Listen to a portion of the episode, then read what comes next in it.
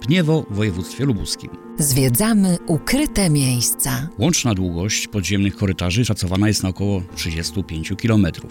W podziemiach zimuje ponad 36 tysięcy osobników należących do 12 gatunków nietoperzy. Polska na śniadanie w RMF Classic. A jesteśmy w międzyrzeckim rejonie umocnionym, popularnie zwanym MRU. To jedne z największych podziemi fortyfikacyjnych świata.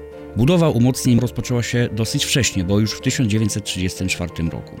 Po wojnie natomiast fortyfikacje zajmowały przejściowo wojska radzieckie i polskie.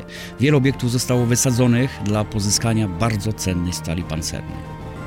Zwiedzanie możliwe jest przez cały rok tylko z przewodnikiem, lecz w okresie zimowania nietoperzy, czyli od listopada do marca, dla odwiedzających dostępny jest tylko jeden obiekt z jednym korytarzem, po to, żeby nie wybudzić nietoperzy. Bo na wiosnę są to nasi jedni z największych sprzymierzeńców w walce z komarami. Jeden nietoperz potrafi w ciągu jednej doby zjeść do 3000 komarów. Poleca Albin Marciniak z klubu podróżników Śródziemie. W Pniewie znajduje się także dosyć bogaty skansen sprzętu wojskowego.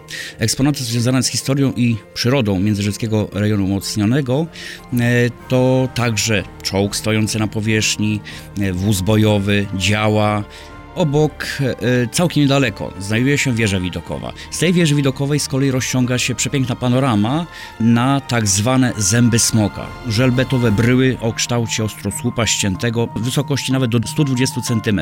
Zęby były ustawiane w kilku rzędach na wspólnym fundamencie. Uniemożliwiało to przejazd nawet i ciężkiego sprzętu, jakim były czołgi.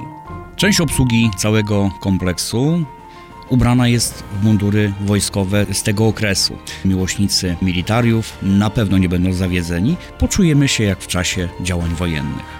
Pomysł na aktywny weekend w RMF Classic.